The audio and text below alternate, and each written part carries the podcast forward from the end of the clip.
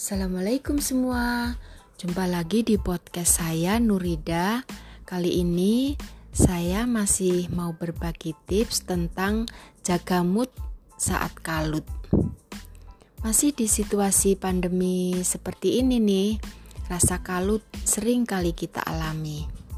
Setelah sekian lama lebih banyak berkegiatan di rumah aja Rasanya sangat manusiawi bila kita juga merasa sangat bosan dan jenuh.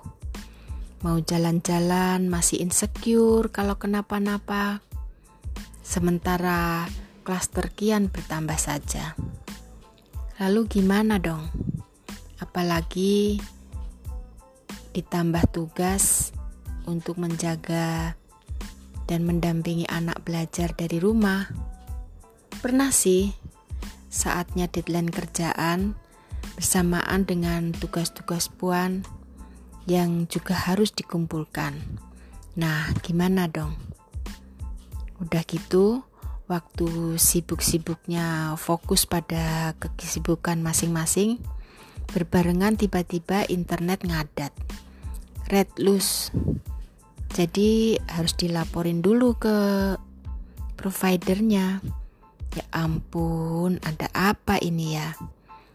Stres banget sampai mau pecah kepala rasanya. Nah, apa yang sebaiknya kita lakukan? Pertama, mencoba memahami keadaan. Tarik nafas panjang, tahan, lepaskan. Yang kedua, jangan panik karena itu tidak akan merubah keadaan. Bisa jadi panik justru akan memperburuk keadaan. Tetaplah fokus pada tujuan. Kerjakan apa yang bisa dilakukan. Jangan mengumpat atau menyalahkan keadaan, karena hanya akan menambah kekalutan. Selanjutnya, tetaplah santai. Kalau perlu, order makanan kesukaan. Karena ini akan bisa mengurangi stres pada diri kamu. Ingat bahwa imunitas kesehatan adalah yang utama. Kemudian, bekerja sama dengan anak untuk saling menguatkan saling menenangkan, bukan sebaliknya. Yang keenam, jangan tunjukkan kepanikan itu di depan anak, agar anak juga tidak ikut panik. Yang terakhir, saling support satu dengan yang lain. Kerjakan satu demi satu sampai selesai sampai semua bisa kita atasi.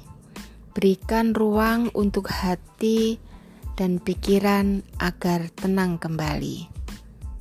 Nah, begitulah. Oh ya, kalau kalian punya pengalaman dan tips yang dialami selama pandemi ini, jangan sungkan ya. Kirim email atau DM ke Instagram saya @nuridaz.